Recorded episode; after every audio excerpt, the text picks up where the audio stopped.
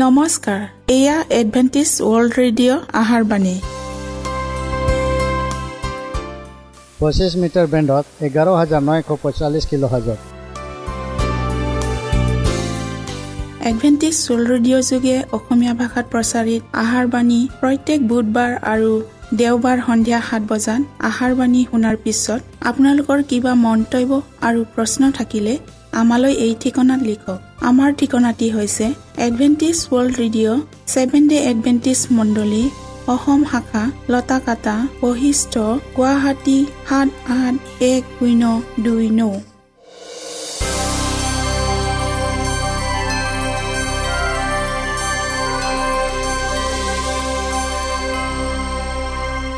প্ৰিয় শ্ৰোতা বন্ধুসকল এতিয়া শুনো আহক এটি খ্ৰীষ্টীয় ধৰ্মীয় গীত।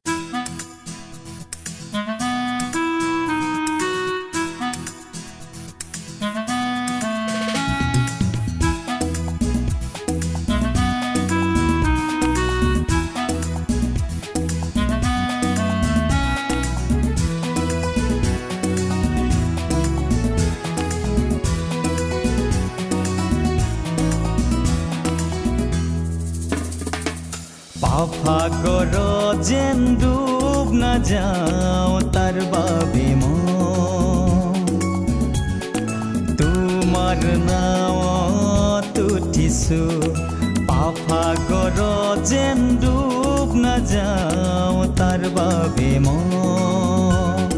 তোমাৰ নাৱত উঠিছো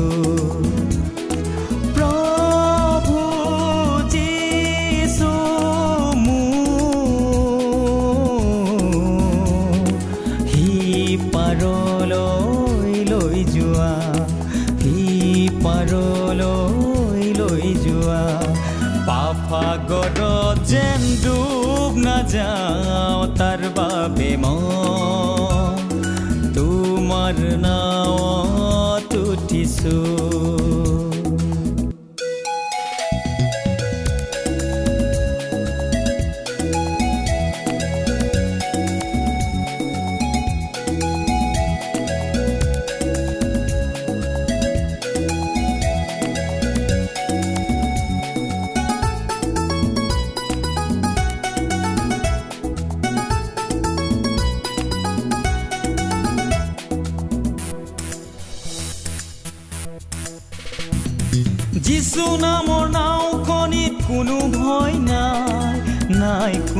শংকা একোৱেই ভয়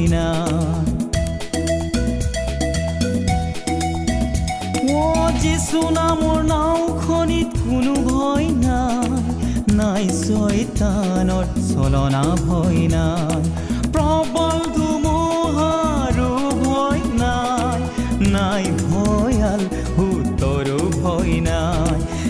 যিচু বঠা বাই বাই হে ভাই নিয়ে শান্তিৰে চলা যিচু বঠা বাই বাই হে ভাই নিয়ে শান্তিৰে চলা পাফাগৰ যেন ডুব নাযাওঁ তাৰ বাবে মই তোমাৰ নাৱত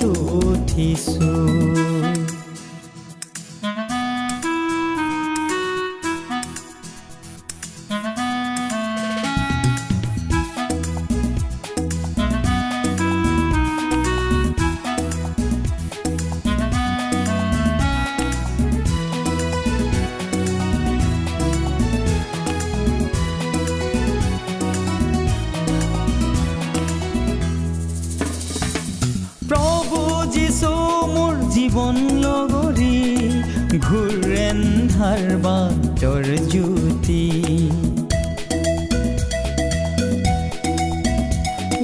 খোজে খোজে যাওঁ যদি মই পিছলি পাওঁ শক্তি আৰু সুমতি। যিচুৰ বিনে নাই আন উপায় নাই নাপাওঁ আন কতো সহায়। যিচুৱে চলাই মোক সদায় শান্তিৰ পাঠ দেখুৱা যিচুৱে চলাই মোক সদায় শান্তিৰ পাতে খোৱা পাফাগৰত যেন ডুব নাযাওঁ তাৰ বাবে মই তোমাৰ নাৱত উঠিছো পাফাগৰত যেন ডুব নাযাওঁ তাৰ বাবে মই তোমাৰ নাৱত উঠিছো। প্ৰিয় শ্ৰোতা বন্ধুসকল আহক আমি খন্তেক সময় বাইবেল অধ্যয়ন কৰোঁ হওক।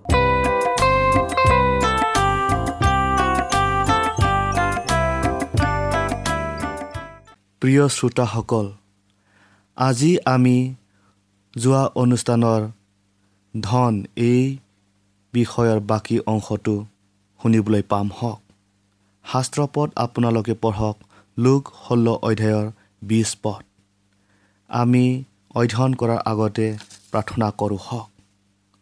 স্বৰ্গত থকা অসীম দয়াময় পবিত্ৰ ঈশ্বৰ তোমাৰ নাম ধন্যবাদ হওক।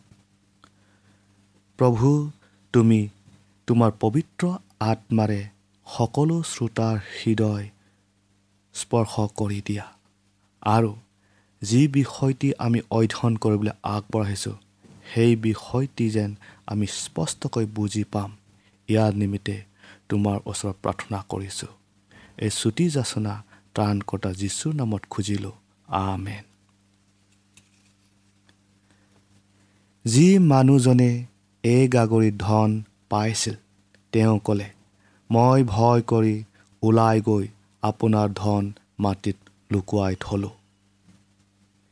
এইটোৱে আটাইতকৈ কম পৰিমাণ ধনৰ উপহাৰ আৰু এই ধন পোৱাজনে ইয়াৰ সৎ কৰিব নোৱাৰিলে। ইয়াতে কৃষ্টৰ কাৰ্যৰ অৰ্থে কম পৰিমাণৰ ধন পোৱাবিলাকৰ আপত্তি দৰ্শোৱাৰ প্ৰতি সতৰ্ক কৰিছে। তেওঁলোকৰ আপত্তি কৰাৰ কাৰণ হ'ল তেওঁলোকে বিস্তৃতভাৱে কাম কৰা ইচ্ছা। সেয়ে ক্ষুদ্ৰভিত্তিক কাম নকৰি নিজকে উচিত জ্ঞান কৰিলে আৰু ইয়াতেই তেওঁলোকে ভুল কৰিলে। ঈশ্বৰে আমাৰ যোগ্যতা পৰীক্ষা কৰিহে কামৰ দায়িত্ব ভাৰ দিয়ে। যিজন মানুহে গাগৰি ধন পাই ব্যৱহাৰ কৰিব নোৱাৰিলে তেওঁ নিজকে অবিশ্বাসী দাহ বুলি পৰিচয় দিলে। তেওঁ পাঁচ গাগৰি ধন পোৱা হ'লেও মাটিত পুতি থলেহেঁতেন। এই গাগৰি ধনৰ অপব্যৱহাৰৰ দ্বাৰাই স্বৰ্গৰ পুৰস্কাৰ সেও জ্ঞান কৰি দেখুৱালে। যিজন সামান্য বিষয়ত বিশ্বাসী তেওঁ ডাঙৰ বিষয়টো বিশ্বাসী। লোক ষোল্ল অধ্যায় দহ পদত। প্ৰায়ে সৰু বস্তুৰ প্ৰতি তুচ্ছ জ্ঞান কৰা হয়। কিন্তু সেই সৰু বস্তুবোৰৰ পৰাই বাস্তৱ জীৱনৰ প্ৰকৃত শিক্ষাবোৰ পোৱা যায়। আচলতে বিশ্বাসীৰ জীৱনত কোনো বস্তুৱে অনাৱশ্যক নহয়। সামান্য বস্তুৰ বুলি ভাবি সেৱ জ্ঞান কৰিলে আমাৰ চৰিত্ৰ গঠনত যথেষ্ট বেমেজালিৰ সৃষ্টি কৰে। প্ৰিয় শ্ৰোতাসকল যিজন সামান্য বিষয়ত অবিশ্বাসী তেওঁ ডাঙৰ বিষয়টো অবিশ্বাসী। সাধাৰণ কৰ্তব্যৰ প্ৰতি অবিশ্বাসী হোৱা মানে সৃষ্টিকৰ্তাজনৰ প্ৰতি অশ্ৰদ্ধা প্ৰদৰ্শন কৰা হয়। এনে অবিশ্বস্ততাই নিজৰ ওপৰত প্ৰতিক্ৰিয়া কৰে। সেইজন ব্যক্তি অনুগ্ৰহ লাভ কৰাত শক্তি আহৰণ চৰিত্ৰ গঠনৰ কাৰ্যত অকপট চিত্তে ঈশ্বৰক সোধাই নিদিয়াত অসফল হয়।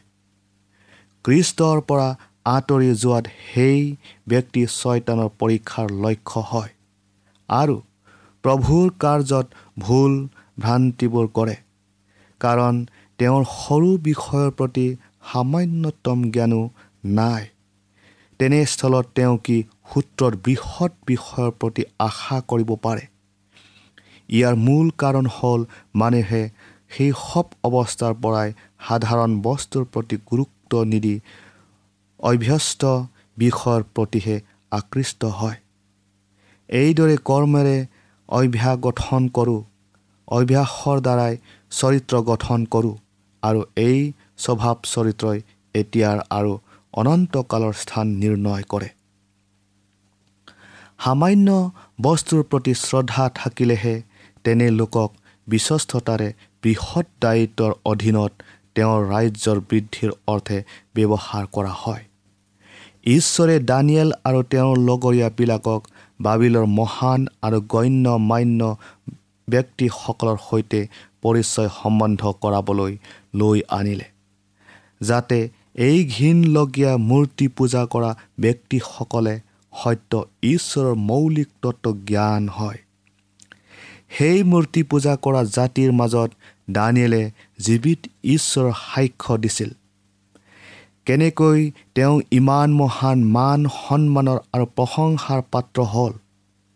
তেওঁ সামান্য বস্তুৰ প্ৰতি শ্ৰদ্ধা আছিল আৰু সেয়ে তেওঁৰ গোটেই জীৱনকালৰ গাঁৱৰ দিলে। তেওঁ অতি সাধাৰণ কামৰ বাবেও ঈশ্বৰৰ প্ৰতি কৃতজ্ঞ আছিল আৰু ঈশ্বৰেও তেওঁৰ সকলো উদ্যমত সহযোগ কৰিছিল। দানিয়েল আৰু তেওঁৰ লগৰীয়াবিলাকক ঈশ্বৰে সকলো শাস্ত্ৰত ও বিদ্যাত জ্ঞানী আৰু নিপুণ কৰিলে আৰু সকলোবিধ দৰ্শন ও সপোনৰ কথা দানিয়েলে বুজিব পৰা হ'ল। দানিয়েল এক অধ্যায়ৰ সোতৰ পদত। যিদৰে ঈশ্বৰে দানিয়েলক বাবিলত তেওঁৰ সাক্ষ্য দিবলৈ আহ্বান কৰিছিল সেইদৰে সেই একেজনা ঈশ্বৰে আজি আমাক জগতৰ আগত সাক্ষ্য দিবলৈ আমন্ত্ৰণ কৰিছে। ক্ষুদ্ৰ দল হওক বা বৃহৎ দল হওক আমাক তেওঁৰ ৰাজ্যৰ মৌলিক তত্ত্ব মানুহৰ আগত প্ৰকাশ কৰাটো বাঞ্ছা কৰে। শ্ৰোতাসকল কৃষ্ট জগতত থকা কালত ক্ষুদ্ৰ বস্তুবোৰৰ প্ৰতি বিশেষ মনোযোগ দিয়াৰ শিক্ষা দিছিল। উদ্ধাৰৰ হেতু তেওঁ জগতলৈ আহিছিল। তেওঁ সমস্ত মনে প্ৰাণে আৰু শাৰীৰিক শক্তিৰে চৰম পৰিশ্ৰম কৰি মানুহবিলাকক শিক্ষা দিছিল আৰু ৰোগীবিলাকক সুস্থ কৰিছিল। তথাপিও তেওঁ প্ৰকৃতিৰ ক্ষুদ্ৰতম বস্তুৰ প্ৰতি দৃষ্টি কৰিছিল। তেওঁৰ উপদেশমূলক শিক্ষাবোৰ প্ৰকৃতিৰ সাধাৰণ বস্তুৰ লগত তুলনা কৰি স্বৰ্গ ৰাইজৰ মহাসত্যৰ ব্যাখ্যা কৰি বুজাই দিছিল। তেওঁৰ অতি নম্ৰজনৰ প্ৰয়োজনীয়খিনিকো প্ৰাপ্যৰ পৰা বঞ্চিত নকৰে। তেওঁ আমাৰ প্ৰত্যেকৰে প্ৰয়োজন কি তাক জানে। মানুহবিলাকৰ ঠেলা হেঁচাৰ মাজতো যন্ত্ৰণা ভোগী তিৰোতাজনীৰ বিশ্বাসেৰে কৰা য'ত সামান্য স্পৰ্শই তেওঁৰ মন আকৰ্ষণ কৰিলে। যেতিয়া তেওঁ জায়িজৰ জীয়েকক মৃত্যুৰ পৰা পুনৰাই জীয়ালে তেতিয়া তাইৰ মাক বাপেকক তাইক খোৱা বস্তু দিবলৈ আদেশ দিলে। যেতিয়া তেওঁ নিজৰ শক্তিৰে মৈদাম ভাঙি যি উঠিল তেওঁ সাৱধানেৰে তেওঁক মেৰিয়াই থোৱা কাপোৰবোৰ জপাই থ'বলৈ নাপাহৰিলে। ঈশ্বৰৰ বিশ্বাসী লোক হোৱাত আনক পৰিত্ৰাণৰ পথ দেখুৱাবলৈ কৃষ্টৰ সৈতে সহযোগৰ আহ্বান কৰিছে। আমি এই আহ্বানৰ প্ৰতি সঁহাৰি জনাওঁ হওক। অন্যথাই তেওঁৰ প্ৰতি বিশ্বাসঘাতক হ'ম। কিন্তু এই কাৰ্য সিদ্ধ কৰিবৰ বাবে আমি তেওঁৰ আদৰ্শ আৰু যুক্তিসংগত কথাবোৰ চিৰোদ্ধাৰ্য কৰি সাধাৰণ বস্তুবোৰলৈ মনোযোগ দিওঁ হওক। খ্ৰীষ্টীয় লোকবিলাকৰ প্ৰত্যেক ক্ষেত্ৰৰ কৃতকাৰ্যতাৰ সাফল্য আৰু প্ৰভাৱৰ গোপনীয় নিষিদ্ধ হৈ আছে। তেওঁৰ লোকবিলাকে তেওঁ দিয়া বৰ লাভ কৰি আত্মিক জখলাৰ শীৰ্ষস্থানলৈ উঠাই তেওঁৰ নামৰ গৌৰৱ প্ৰশংসা কৰে এয়ে প্ৰভুৰ ইচ্ছা। ঈশ্বৰৰ অনুগ্ৰহৰ যোগেদি তেওঁ আমালৈ এনে উপায় কৰি দিছে যেন জগতে যেনেকৈ কৰে তেনেকৈ নহয়। কিন্তু তেওঁৰ আঁচনি অনুসৰি শ্ৰেষ্ঠতাৰে প্ৰভুৰ কাৰ্য সিদ্ধ কৰোঁ। হওক আমি জ্ঞানত বুজা পৰাত পটুতাত বুদ্ধিমত্তাত আনতকৈ শ্ৰেষ্ঠতা প্ৰতিপন্ন যেন কৰোঁ। কাৰণ যিজনা সত্য ঈশ্বৰ তেওঁৰ শক্তিৰে প্ৰত্যেক মানুহৰ আগত সাক্ষ্য প্ৰদান কৰিব পাৰোঁ। প্ৰিয় শ্ৰোতাসকল কিন্তু বৃহৎ পৰিমাণৰ বৰ নোপোৱালৈকে হতাশ নিৰা নহওক। তেওঁলোকৰ যি আছে ঐশ্বৰিক শক্তিৰে তাকে ব্যৱহাৰ কৰক। আমাৰ জীৱনৰ প্ৰত্যেক কৰ্ম বিশ্বস্ততা আৰু প্ৰেম ভক্তিৰে একত্ৰিত কৰি যি কাৰ্যৰ উদ্দেশ্যে আমন্ত্ৰিত হৈছোঁ সেই কাৰ্য সমাধা কৰাত সমৰ্থ কৰিব। আমি আমাৰ অমনোযোগী স্বভাৱ মনৰ দৃঢ়তাৰে পৰিত্যাগ কৰিব লাগে। কিয়নো অনেকে ভবাৰ দৰে অমনোযোগিতাই আমাক মহাসংকটৰ গঢ়াত পেলাব পাৰে। কিন্তু আমাৰ সকলোৰে একে সমান জ্ঞান বুদ্ধি নহ'ব। পাৰে। কিন্তু আমি নিজৰ মনক সৎ কাৰ্যলৈ উৎসাহিত কৰিব পাৰোঁ। ইচ্ছাকৃতভাৱে পাহৰা ভাও যোৱাটো পাপ। অমনোযোগী হোৱাটোও পাপ। যদি আপোনাৰ অমনোযোগৰ স্বভাৱ আছে তেন্তে পৰিত্ৰাণৰ অৰ্থে নিজকে অৱহেলা কৰি অৱশেষত স্বৰ্গৰ ৰাজ্যৰ পৰাও বঞ্চিত কৰে। সাধাৰণ বস্তুৰ প্ৰতিও মহান সত্যৰ সৈতে তুলনা কৰিব লাগে। সাৰ্বজনীন ধৰ্ম দৈনিক জীৱনৰ অতি সাধাৰণ ক্ষেত্ৰতো প্ৰয়োগ হ'ব লাগে। পৰম শ্ৰদ্ধাৰে ঈশ্বৰৰ বাক্যৰ বাধ্যতা হোৱাটো যিকোনো ব্যক্তিৰ আটাইতকৈ মহান গুণ। অনেক লোকৰ ধৰ্মীয় কামৰ সৈতে পোনপটীয়া সম্বন্ধ নথকাত তেওঁলোকে নিজকে ধিক্কাৰ দি কয় আমাৰ অকামিলা জীৱন ঈশ্বৰৰ ৰাজ্যৰ প্ৰসাৰৰ অৰ্থে একোকে কৰা নাই। যদি তেওঁলোকে কৰা কামখিনি আনে কৰিবলগীয়া হয় তেতিয়া তেওঁলোকে নিজকে অপৰাধী বুলি সাব্যস্ত কৰা কোনো যুক্তি নাই। সেয়ে সাধাৰণ কাম হ'লেও ইয়াক অৱজ্ঞা কৰিব নালাগে। যিকোনো সৎ কামেই আশীৰ্বাদ স্বৰূপ। এনে কামত বিশ্বাসী হ'লে বৃহৎ কাৰ্যৰ অৰ্থে আমন্ত্ৰিত হ'ম। যিকোনো সাধাৰণ কাম ঈশ্বৰৰ উদ্দেশ্যে কৰাটো তেওঁৰ আগত গ্ৰহণীয়। আৰু আত্মসমৰ্পণৰ সৰ্বোচ্চ পৰিচৰ্যা। হৰ্ষিত হৃদয় আৰু আনন্দ মনেৰে দিয়া উপহাৰ তেওঁৰ দৃষ্টিত বহুমূলীয়া। আমি য'তেই নাথাকোঁ কৃষ্টৰ আদেশ চিৰোধাৰ্য কৰি নিজ কৰ্তব্যত মনোনিৱেশ কৰিব লাগে। যদি এই কাৰ্য নিজ ঘৰৰ হয় তেন্তে ইয়াক স্ব ইচ্ছা আৰু উদ্যমেৰে ঘৰখনক অতি সুখ শান্তিৰ পৰিৱেশ সৃষ্টি কৰক। আপুনি যদি ঘৰখনৰ মাতৃ হয় তেনেহ'লে আপোনাৰ ল'ৰা ছোৱালীক কৃষ্টৰ আদৰ্শত গঢ় দিয়ক। এজন ধৰ্ম প্ৰচাৰকে গীৰ্জাত যেনেকৈ শিক্ষা দিয়ে ঠিক তেনেকৈ আপোনাৰ সন্তানক শিক্ষা দিয়ক কিয়নো ইও ঈশ্বৰৰ কাম। যদি আপুনি ৰান্ধনী ঘৰতে ব্যস্ত থাকিবলগীয়া হয় তেন্তে ভাল ৰান্ধনী হ'বলৈ যত্ন কৰক। সুস্বাদু পুষ্টিকৰ আৰু ৰুচিকৰ স্বাস্থ্যসন্মত আহাৰ ৰান্ধক আৰু আপোনাৰ ৰন্ধা বঢ়া যেন পৰিষ্কাৰ আৰু পৰিপাতি হয় তালৈ লক্ষ্য কৰক। আপুনি যিকোনো বিষয়ৰ ব্যৱসায়ী হ'ব পাৰে তাকেই মন পুতি কৰক। আপোনাৰ ব্যৱসায়ৰ যোগেদি কৃষ্টক প্ৰতিফলিত কৰক ব্যৱসায়ত কৃষ্টৰ আদৰ্শৰে অনুপ্ৰাণিত হওক। আপোনাৰ ধনৰ পৰিমাণ যিমানেই কম হওক ইয়াৰ উচিত ব্যৱহাৰ কৰিলে ঈশ্বৰে গ্ৰহণ কৰে। সেই এগাগৰি ধনখিনিৰ উচিত ব্যৱহাৰ কৰা হ'লে ইয়াৰ নিৰ্ধাৰিত উদ্দেশ্য সিদ্ধ হ'লহেঁতেন।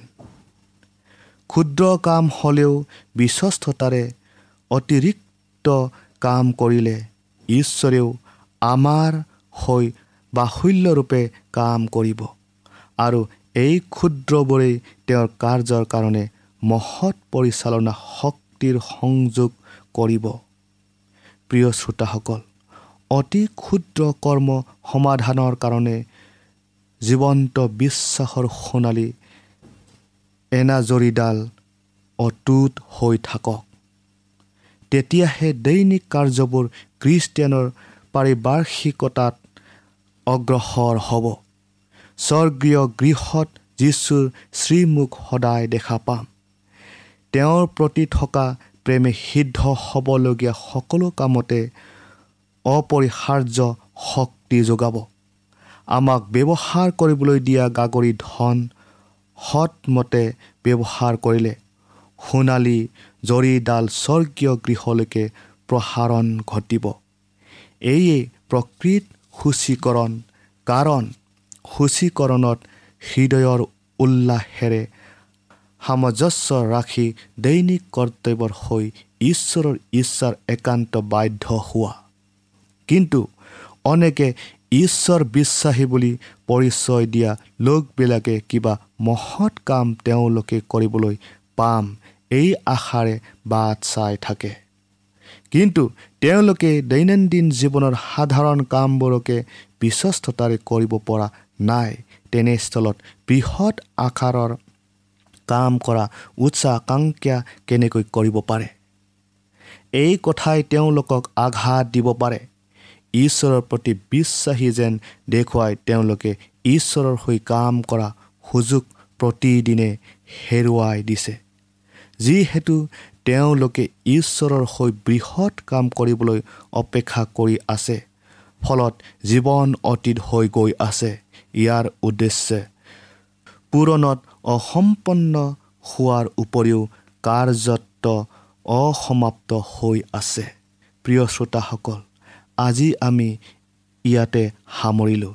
ইয়াৰ বাকী অংশ অহা অনুষ্ঠানত আপোনালোকে শুনিবলৈ পাম হওক তেতিয়ালৈকে ঈশ্বৰে আপোনালোকক আশীৰ্বাদ কৰক।